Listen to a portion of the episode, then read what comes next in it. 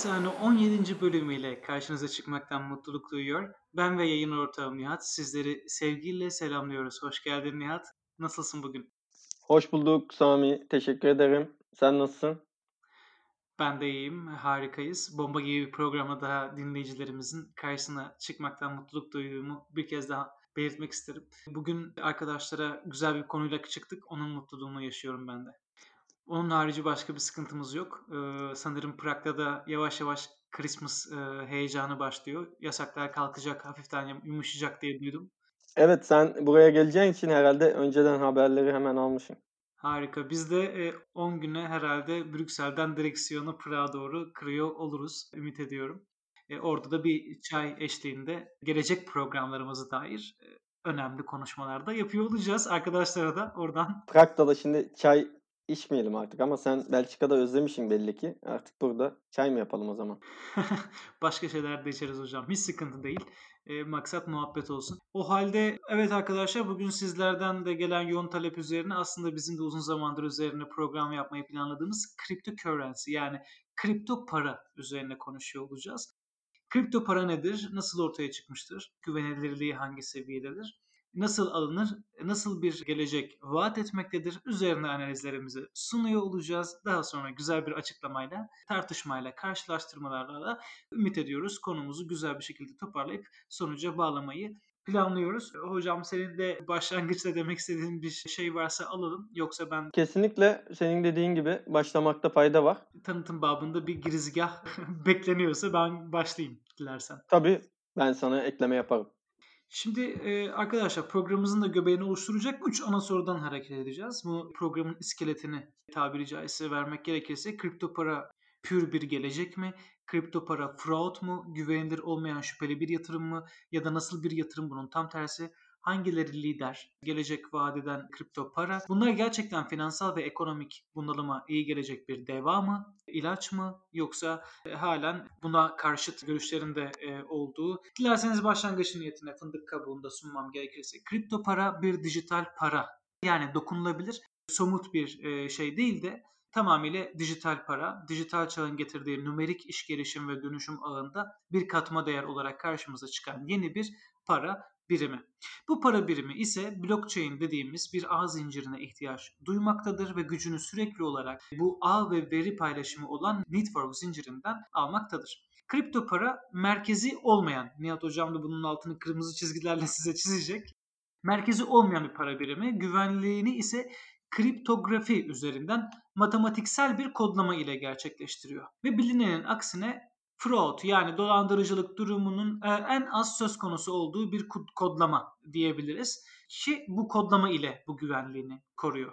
Yani e, biz burada dijital birimlerden bahsediyoruz ama burada aklınıza şey gelmesin bu masa üstlerinizde bilgisayardaki dosyayı kopyalama gibi kripto parayı kopyalama gibi bir şey söz konusu kesinlikle mümkün değil. Bu mümkün olmama durumunun arkasında da yatan teknik kriptolama bu aslında kriptograflama dediğimiz teknik insanlık tarihinde nasıl ki biz bugün kripto parayı kullanıyoruz ama isim veriyoruz bu kadar taze değil. Kendi tarihini milattan önce 5. ve 6. yüzyıla kadar götürüyor. Fakat dijital dünyadaki kriptolama tekniğinin izlerini sürdüğümüzde 40 yıllık bir periyottan bahsediyoruz. Yani 1980 yılında David Chaum bilgisayar algoritması kriptolamasına sürüklediği bir girişimden bahsediyor olacağız. Bu kriptolama sayesinde bir kişiden diğer kişiye dijital ortamda e, bir birim veri yani güvenli ve değişmeyen bir e, verinin transferiyle bir aksiyon başlatıyor.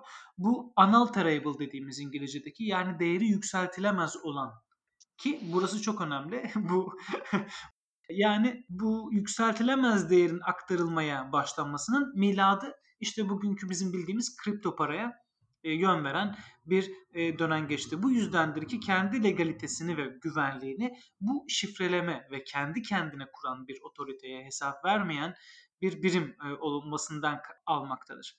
Şimdi bildiğimiz gibi ilk e, kripto para e, olan ve halen bugün popüler olan para birimi Bitcoin. Bildiğimiz kadarıyla Satoshi Nakamoto tarafından gerçekleştiriyor. Biz bu ismi de söylerken Nihat Hocam'la bayağı bir güldük. Çünkü isimler bayağı bir zorlayacak. zorlayıcı oldu bizde de. Bu Nakamoto'da peer to peer elektronik currency diyor. Dijital para birimi kişiler arası. e, herhangi bir finansal enstitüye gitmeden, aracı hiçbir kuruma ihtiyaç duymadan dosya paylaşır gibi paranızı transfer edebileceğiniz dijital bir birim. Biz konuya daha da girmeden önce, e, ben de analizlerimi daha da e, açık etmeden önce ben burada Nihat Hocam'a topu vermek istiyorum. Nihat Hocam bu konuyu nasıl açıyor, nasıl bir girizgah yapacak ona sözü vermek istiyorum. Teşekkür ederim Sami. Kesinlikle bu bahsettiğin şeylerden en önemlisi tabii 2008 31 Ekim'inde ortaya çıkan Bitcoin manifestosu. Eşler arası elektronik nakit sistemi diye çevirebileceğimiz manifesto. Nakit sürümü çevrim içi bir finansal kuruluşundan geçmeden doğrudan bir taraftan diğerine gönderilecek ödemeler anlamına geliyor. Senin de bahsettiğin gibi. Dijital imzalarla onaylanma aşaması yeterlidir alım satımında ve kendi işlerinde bahsettikleri çift harcama denilen durumu önlemek için üçüncü tarafa ihtiyaç duymadan bunu yapmaya hedefliyorlar. Ve bahsetmiş oldukları proof of work mekanizması David Baum'un 80'lerde senin bahsettiğin başlattığı ve daha sonrasında geliştirilen yöntem ile bu ağı kuruyorlar. İşler arası ağı. Ve en son şöyle bitiriyor. En uzun zincir yalnızca tanık olunan olayların sırasını kanıtlamakla kalmaz. Aynı zamanda en büyük CPU gücü havuzundan geldiğinde kanıtı olduğunu söylüyor. Bu fikir birliği mekanizması ile de ihtiyaç duyulan tüm kurullar ve teşvikler uygulanabilir diye bahsediyorlar sonuç olarak. Bu metinden çıkarılabilecek en mühim şey merkezsiz kripto para kavramıdır. Yani kripto para e, birimleri herhangi bir e, kişi, ülke, lider veya kuruluş tarafından yönetilmiyorlar. Bunu bahsediyor en mühim olan çıkarım. İkincisi de aracı kuruma ihtiyaç duymamaları herhangi bir komisyon gideri veya kesinti olmadan bu işlemleri gerçekleştirebiliyor olmalarıydı. Bizim bu iki paragraftan çıkardığımız sonuç. Bitcoin yatırma ve çekme işlemleri de çok basit. Bitcoin cüzdanı ile yapılıyor. Hı. Bu cüzdanda yatırma adresine ve QR koduna ulaşılabiliyor. Her yatırma işleminden önce yeni adresler üretilebiliyor. En az 10 binde bir 13-14 lira alımlar yapılabildiği gibi satış durumlarında da para çekme durumlarında da 10 binde 5'lik 70 lira ve üzeri meblağlarla cüzdandan para çekme işlemleri gerçekleştirilebiliyor. Kripto currency'ler nasıl üretilmektedir diye soracak olursak burada yaygın olarak madencilik ismiyle bilinen bir sistemle, bir süreç sayesinde bu işlem yapılıyor. Madenciliğin en temel anlamını da güçlü bir donanım ve ilgili yazılımın çalıştırılmasıyla karmaşık bir dizi matematik işlemini çözebilen madenciler ödül olarak kripto para alıyorlar. Burada hocam parantez açmak gerekirse bu madenlemeyi bahsediyoruz ama bilmeyenler olacaktır. E, dijital ortamdaki para eşeleme, dijital madenleme değil mi? Yani bu parayı açığa çıkarma diyelim. Kesinlikle. Aynen bu şekilde zaten bahsettin sen 21 milyon adet üretimi yapılabiliyor diye baştan zaten arzı sabit tuttuklarını. Yani bu noktada senden duymak isterim. Bu konuyla ilgili eklemek istediğin, söyleyebileceğin neler var?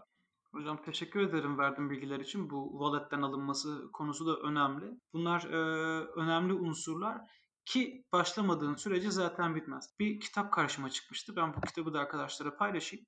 Hani İngilizce aslında kitap. Okumak isteyenler e, de, de kaynağı vermiş olalım buradan. Stephen Satoshi'nin kripto paraya başlayanların kutsal kitabı. Yani e, İngilizce'deki ismiyle Beginner's Bible diye bir kitabı var. 2017 baskılı. Buradan da daha detaylı bilgilere ulaşabilir arkadaşlar. Hani burada yapmış olduğum analizler de %50, %60 civarında bu kitaptaki, bu faydalı kitaptaki bilgilere dayanıyor. Yazar burada diyor ki para değerlendirme ölçeği mevcut diyor. Sen de bu işin e, okulunu okudun hocam. Çok iyi de biliyorsun. Diyor ki güvenilir para dediğimiz şeyin aşağıdaki üç görevi yerine getiriyor olması lazım diyor. Bir, üretimlerinin yani mining'in zorlu olması gerek. Yani bir para üretimi ya da altın maden aramasına örnek gösteriyor burada. Nasıl ki bizim yaklaşık 10 yıl, 20 yıl öncesine kadar basılan paranın hepsinin altına sabit olması gibi. Hani güvenilir para. 2. Sınırlı sayıda olması lazım diyor. Sınırlı sayıda da sağlayıcıları olması gerek. Kopyalanamaz olmaları gerek. Teker teker halde birer değer halinde var olmaları gerek. Teker teker halde birer değer halinde olmaları gerek ki manipüleye açık olmasınlar. 3. insanlar tarafından tanınıyor ve değer veriliyor olmaları gerek. Bence gayet net ve 3 e, önemli isim ki bizim bir şeyleri alıp satarken de kullandığımız para değer birimi. Bizi dinleyen e, arkadaşlardan da şöyle bir ses duyuyorum sanki. E, bunlar zaten bizim bugün geleneksel parada dediğimiz şeyler. Evet arkadaşlar Bitcoin bu özelliklerin hepsini taşıyor. Yanlış bilinenlerden bir kısmının da buraya devreye girdiğini görüyoruz. Sanılıyor ki Bitcoin sınırsız, manipüle edilebilir, kontrol edilemeyen ve karşılığı olmayan bir birim. Bu bir mitoloji. Burada itiraf etmem gerekirse ben de oldukça şüpheli davranıyordum. Sen de biliyorsun Bitcoin konusunda. Fakat bu araştırmalarım sonucu ben de bu konunun mitolojik gereksiz bir şehir efsanesi olduğu kanısına vardım ki manipüle edilemeyen buradaki gerçek ise Bitcoin'deki tıpkı nasıl bir altın arama da söz konusu olan teknik varsa hepsinin olduğunu görüyoruz dijital anlamda. Şimdi burada 21 milyon adedi veriyoruz. Yani 2015 yılına kadar bu, bu sayının e, üçte ikisi açığa çıkarak hali hazırda satılmış e, ve değerlenmiş oldu. E, şu an itibariyle 18.5 milyon Bitcoin e, açığa çıkmış durumda. Sirkülasyona girmesi ve e, eşilmesi beklenen 3 milyona yakın kaynak daha mevcut. Bu şeyi karış, karıştırmayalım birbirine. Açığa çıkmış 18,5 milyon Bitcoin var ama bu hepsi satıldığı anlamına gelmiyor. Yani bu da halen Bitcoin almanın almanın geç olmadığı, Bitcoin'in daha da değerlendireceği anlamına da gelebilir ki birazdan da istatistik analizleri vereceğiz. Doğal olarak bugün Bitcoin artık birçok yerde geçerli. Alışveriş yapıyoruz, değerleniyor. Tam tersi merkezi olmayan bir sistem olmasından kaynaklı da e, merkezi olan birimlerin halini görüyoruz değil mi bugün ortada hani merkezi olmayan bir para biriminde çizmiş olduğu o istikrarlı gidişi görüyoruz burada yıllar içerisinde değerlendirme biçimini. Şimdi burada ben e, sana verecek olursam bu değerlendirmelerde senin eklemek istediğin bir şey var mı? Yo yani gayet güzel izah ettin sen de. Ben de şimdi hızlıca açıkçası birazcık Bitcoin e, özelinde daha sonra kripto paraların genelinde yapılan bazı analiz ve değerlendirmeler konusunda sana bilgi vermek istiyorum. Bitcoin ilk üretilmesinden bu yana dönüm noktalarını kısaca ileteyim. 3 Ocak 2009'da ilk Bitcoin bloğu oluşturuluyor. 5 Ekim 2009'da New Liberty Standard isimli borsa ilk Bitcoin kurunu yayınlıyor. 1 dolar 1309 Bitcoin'e eşit olacak şekilde. Mayıs 2010'da Bitcoin Talk forumunda Laszlo Haniz e, isimli kullanıcı iki pizza için 10.000 Bitcoin ödemesi. Hatırlıyorum o gerçekten efsanevi. Peki hocam kaç para ödemiş oldu bir pizzaya?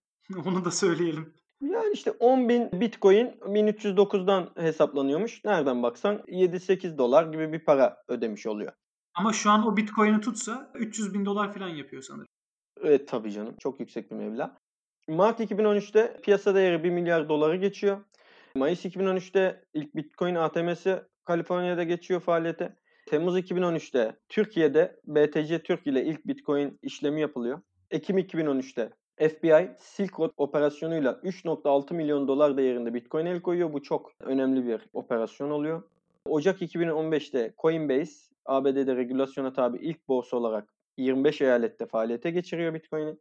Japonya Bakanlar Kurulu Bitcoin gibi sanal paraların gerçek paraya benzer bir fonksiyon olduğunu 2016 Mart'ında kabul ediyor.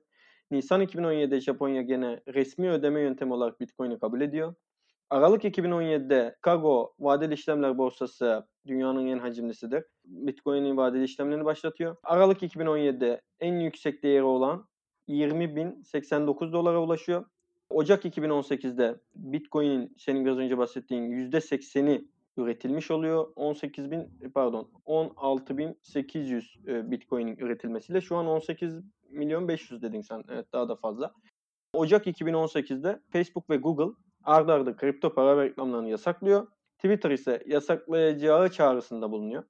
Ve son olarak Mart 2018 ABD Borsalar ve Menkul Kıymetler Komisyonu SEC bizdeki SPK adıyla kripto para alım satım platformlarına kayıt zorunluluğu getiriyor. Bak takdir edersen 2017-2018 arası çok yoğun. Çünkü o dönemlerde Bitcoin en pik yaptığı noktalarda oluyor. Evet. Bunların üzerine Türkiye'de nasıl e, seyrediyor bunu söylemek istiyorum. BTC Türk'ün CEO'su Özgür Güner'i 2019 yılında BTC'de 6 milyon dolar olarak günlük gerçekleşen işlem ortalaması Bitcoin adına 2020'de şu an itibariyle günlük 60 milyon dolar seviyesinde 10 katı bir artış var. İş Yatırım Uluslararası Piyasalar Direktörü Shank Manutyan'a göre Bitcoin'e ilginin hem Türkiye'de hem de dünyada yükselmesinde güvenli liman algısının değişmesinin etkisi var. Nedir bu güvenli liman algısı? Herhangi bir belirsizlik oldu mu piyasada insanlar altın gibi gümüş gibi daha çok piyasada sermaye piyasası içerisinde olmayan emtialara yönlenirdi. Artık onun yerini yavaş yavaş kripto paraların aldığını iletiyor. Blockchain veri analiz şirketi olan Chain Analyzes'ın Eylül ayı raporuna göre de Türkiye kripto paralara uyum açısından 154 ülke arasında 29. sırada bulunduğunu söylüyor. Ve bundaki en önemli etkenin de son dönemdeki Türk arasındaki oynaklık ve değer kaybının olduğu iletiliyor. Bu noktada ortalama Bitcoin fiyatına baktığımızda normalde 2010'da 0,06 en son 2018 7558 2019'da da daha düşüş var 7366 2020'deyiz şu an. 19 binleri bulan bir Bitcoin değerinden bahsedebiliyoruz. 2017'den 18'e geçiş ve 19'dan 20'ye geçiş en önemli geçişler oldu diyebiliriz. Globalde ise bu yıl yaşanan en mühim kripto currency haberlerini vermeden önce ben birkaç ekonomistin Bitcoin üzerine yapmış oldukları söylemleri, regülasyon liderlerinin de aynı şekilde izah etmek isterim. Bunlardan en önemlisi şimdi daha bugün ya da dün Rubini, Doktor Doom olarak, kahin olarak iletilen Bitcoin bir para birimi olmadığı ve Tether fiyat manipülasyonu yaptığı anlaşılan bir cüzdan önceki yıllarda 2017-18 yıllarda kullanılarak büyük ölçüde manipüle edildiğini söylüyor. Bitcoin sahibi olmayı portföyü hileli yasa dışı bir kumarhaneye götürmekle bir tutuyor. Ona göre Bitcoin sıfır gerçek değere sahip bir varlık değil. Herhangi bir varlık tarafından desteklenmez, yasal ödeme aracı değildir, vergi ödemek için kullanılamaz, ölçeklenebilir bir ödeme aracı değildir. Muazzam miktarda enerji tükettiği ve dünyayı kirlettiği için çevre için zehirlidir diye böyle bir afaki kötüleme yapıyor. Üzerine tabii Fed Başkanı yani üzerine değil de daha önce söylenmiş Fed Başkanı Powell'ın Merkez Bankası dijital parasının değer katacağına inandıklarını ancak fiziki paranın yerini almayacak olduğunu ilettiği bir açıklaması var. Aynı şekilde Avrupa Merkez Bankası Başkanı Lagarde'ın yaptığı açıklamayla dijital euro üzerinde çalışmalara başladıklarını söylediği bir açıklaması var. Gene bunlar çok uzak tarihler değil, Ekim-Kasım tarihlerinde. Yazdan itibaren de Çin Merkez Bankası'nda buna dair çalışmaların olduğu ve 2021'de buna geçişin olacağına dair beklenti söz konusu.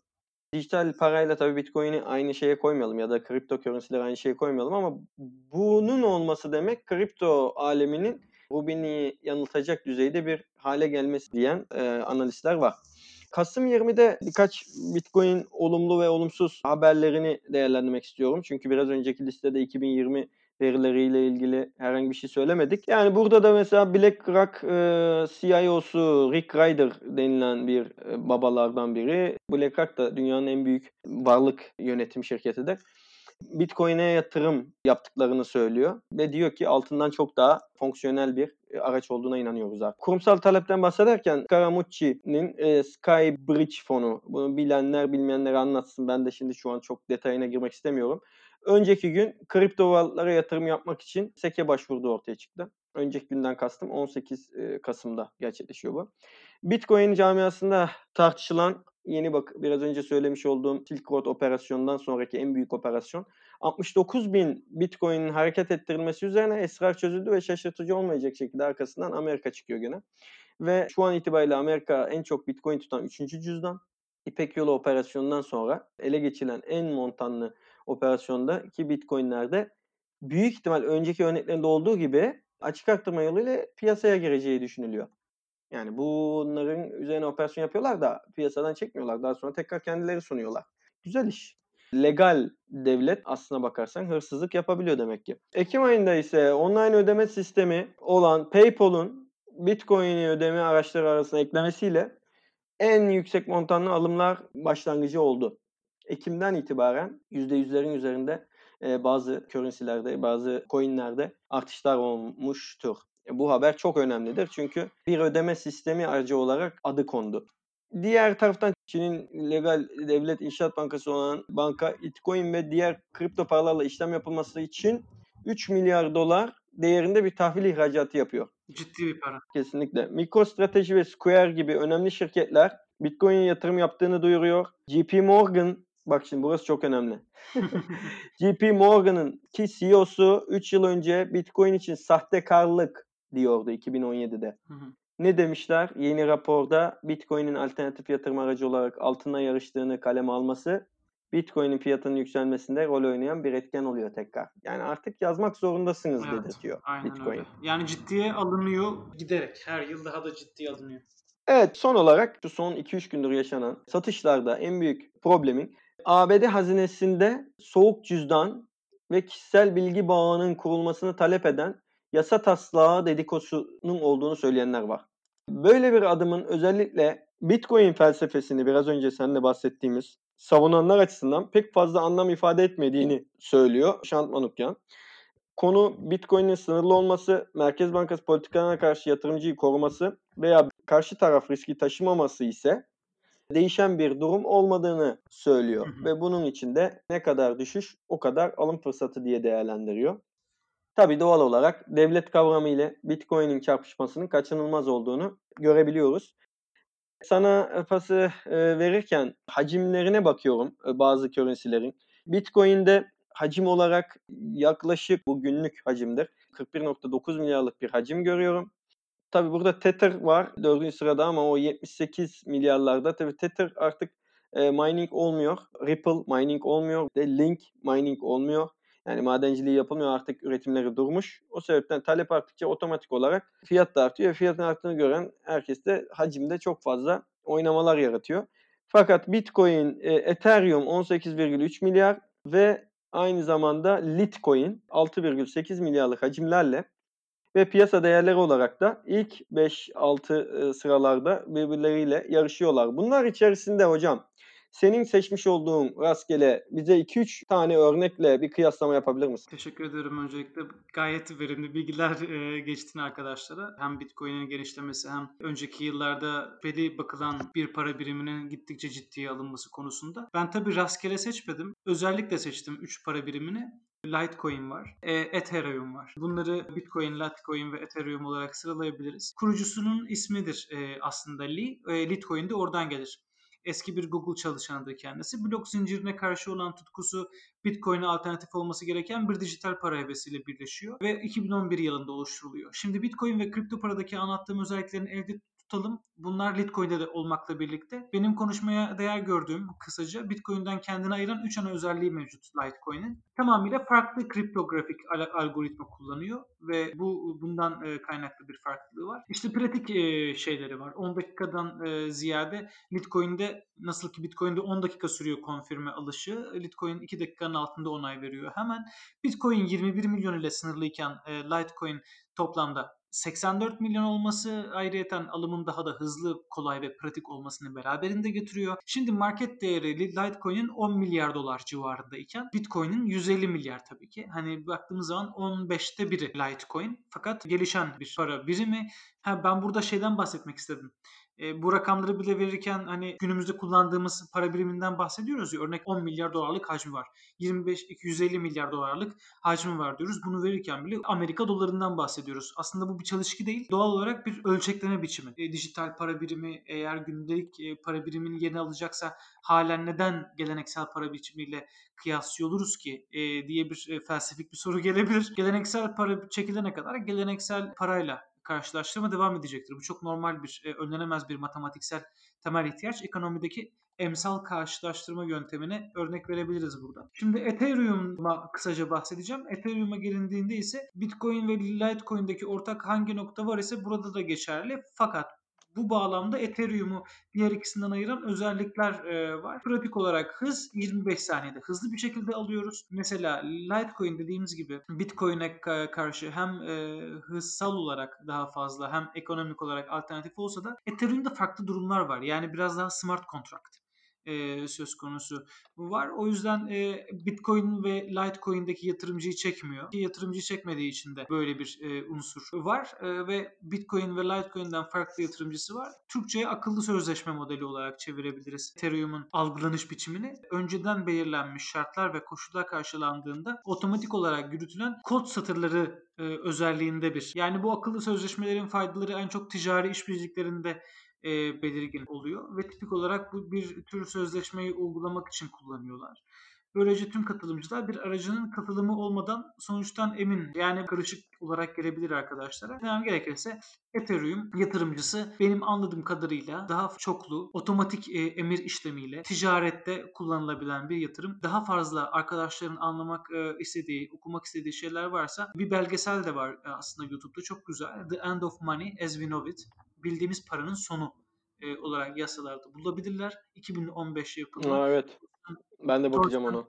Thorsten Hoffman kamerasından çok da güzel anlatılmış The End of Money as We Know It. Yani bildiğimiz paranın sonu. Çok iyi ya. Ben aslında ben aslında çok sevdiğim belgesel hocam. Yani e, hani bildiğin muhabbet eder gibi de bağlamak istersek benim arkadaşlara diyeceğim şunlar vardır. Dijital paradan ben de önceden tabii ki hani burada şu an çok moda tabirle yatırım tavsiyesi değildir e, söyleniyor ya onu da söyleyelim tabii ki. Ama ön yargılı, şüpheli korkulu davrandığım, çekingen davrandığım bir para birimi iken şu an gayet de mantıklı geliyor. Çünkü merkezi olan, devlet yönetimi altında olan paraların ne kadar değer kaybettiğini görüyoruz. Bugün 1920'de bir Amerikan birimi doları bile dünya üzerindeki en stabil, en güçlü para birimi olarak bakılıyor enflasyona karşı. Ve 100 yılda bu para birimi bile 20 kez değer kaybetmiş. 20 kez kendi biriminden değer kaybetmiş. Ama dijital paranın baktığımızda doğumundan itibaren yani herhangi bir devlet otoritesi altında olmayan, herhangi bir şekilde merkezi bağımlılığı olmayan bir kodlama sonucu ortaya çıkan bir paranın sistematik olarak değerlenen ve güvenirli bir şekilde alışverişe de imkan sağlayan bir biçimde kendini yatırımcısını çekerek ilerlediyse bugün birçok şeyi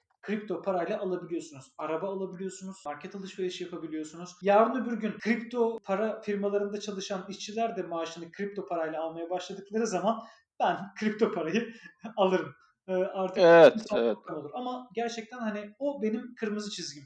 Kripto para şirketlerinde çalışan kişilerin dahi maaşını kripto parayla almaya başladıkları zaman bizim dahi bugün maaşımızı çalıştığımız şirketlerden kripto parayla almaya başlarsak bankalar da bizi örnek veriyorum ev kredisi almada ciddiye alırlarsa ben de Bitcoin'e yatırım yaparım. Banka beni ciddiye almazsa, banka benim kontratımı görüp Aa, şu kadar Bitcoin ile ya da şu kadar kripto parayla maaş alıyorsunuz o zaman size şu kadar vade yaparız demediği sürece ben halen çekingen kalırım ama bu çekingen kalmam güvenmediğim anlamına gelmiyor. Ya da şu an e, hani daha alternatif hisseler bana cazip geliyor diye sözü bitirebilirim hocam. Benim diyebileceklerim kripto paraya karşı bunlar yeteri zaten yeteri kadar da bilgi vermiş bulunmaktayız. Daha da ne denir bilemem. Senin diyeceğin bir şey varsa. Evet ben son olarak teknik 4 kripto currency'yi senin de bahsettiğin üçlü ve bir de Ripple'ı eklemek istiyorum. Birkaç seviye söyleyeceğim. Tabii ne kadar e, teknik çalışıyor diye söyleyen olabilir diyen dinleyen arkadaşlardan ama bence çalışıyor bazen. Özellikle düşüşlerde. Şimdi e, Ethereum'dan önce Bitcoin'le başlayayım. Bitcoin'de bu süreçte açıkçası Ekim'den itibaren en büyük öncülüğü kendisi yaptı zaten. Yükselişi süren bir kripto sektörüne sebep oldu. Bitcoin'de %80 üzeri bir kazanç olup son 3 gündür de %13'e yakın bir düşüş var. 16.600'ün altına sarkıyor dolar cinsinden söylüyorum. Şu an itibariyle 16.800'lü seviyelerde 134.000 üzerinde TL olarak Bitcoin ilerliyor. Ethereum'da da %75'e yükselip %75'lik bir yükseliş olup şu an itibariyle son 4 gündür %17'nin üzerinde bir düşüş gözüküyor. 499 doları bile görüyor. Ee, ve şu an itibariyle 505'li seviyelerde seyretmekte. Dolar cinsinden bahsediyorum. Ve bu ikisi de 20 günlük ortalamalarını test ediyorlar ve buradan aşağı sarkmış değiller. Üçüncü piyasa değeri en yüksek şirket olan Ripple ise e, 15 günde sadece 15 günde %179 yükseliyor. Zaten bu üçüncülüğe de e, bu yükselişiyle geliyor. Yani tarihinin en gördüğü yüksek fiyatları oluyor. E, en, hem de en yüksek anlık yükseliş durumu söz konusu oluyor. Ardından gelen satış kervanına o da ekleniyor. 3 gündür %25 kadar düşüş yaşamakta. Ve biraz önce senin bahsettiğin şeye geçmeden şu an Ripple'ın fiyatı da 0.54 centli durumlarda ilerliyor. Litecoin'de de yükselişte %90'larda bir kazanç elde ederken şu an itibariyle 50 ve 20 günlük ortalamaların da aşmış bir şekilde 68 dolarlı seviyelerde son 3 gündür %25'e yakın bir kayıpla ilerlemekte. Aralarında Ripple ve Litecoin en yüksek düşüşleri yüzde olarak göstermesine karşın açıkçası Litecoin ortalamalarını da kırıp gitmesi adına birazcık daha riskli olduğunu düşünmekteyim. Burası da teknik masadan sesleniş olsun. Evet sendeyiz hocam.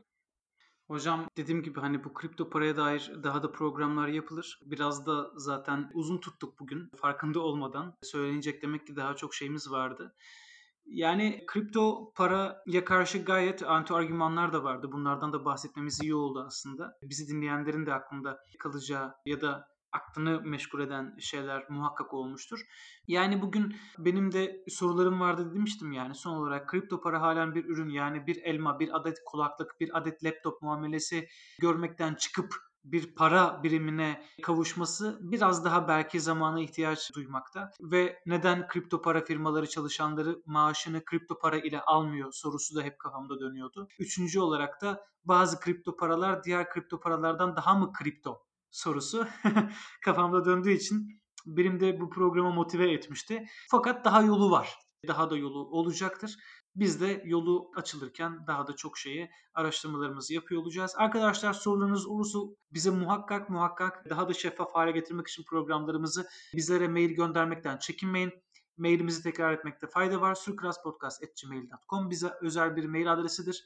Ee, Instagram sayfasından bize mail atabilirsiniz. Şuralarda şuralara ekleme yapsaydınız daha iyi olurdu dediğiniz noktalar varsa biz programımız bir kutsal kitap biçiminde yapmıyoruz hocam. Ee, her şeye açık. Geri Tabii bildirime gelişerek, birlikte giderek e, herkesin podcastı olarak yola çıktık. Bu bağlamda bize bütün geri dönüşlerinizi olumlu ya da olumsuz vermeniz bizi daha iyi götürecektir arkadaşlar.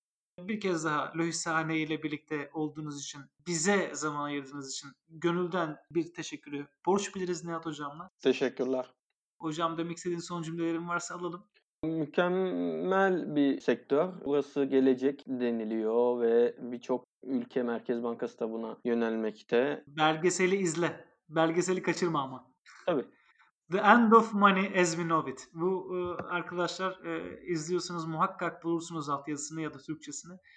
Evet arkadaşlar bir kez daha Lohisane programının sonuna gelmiş bulunmaktayız. Hoş kalın, keyifle kalın. Bir sonraki programda görüşmek üzere. Esenlikler diliyoruz.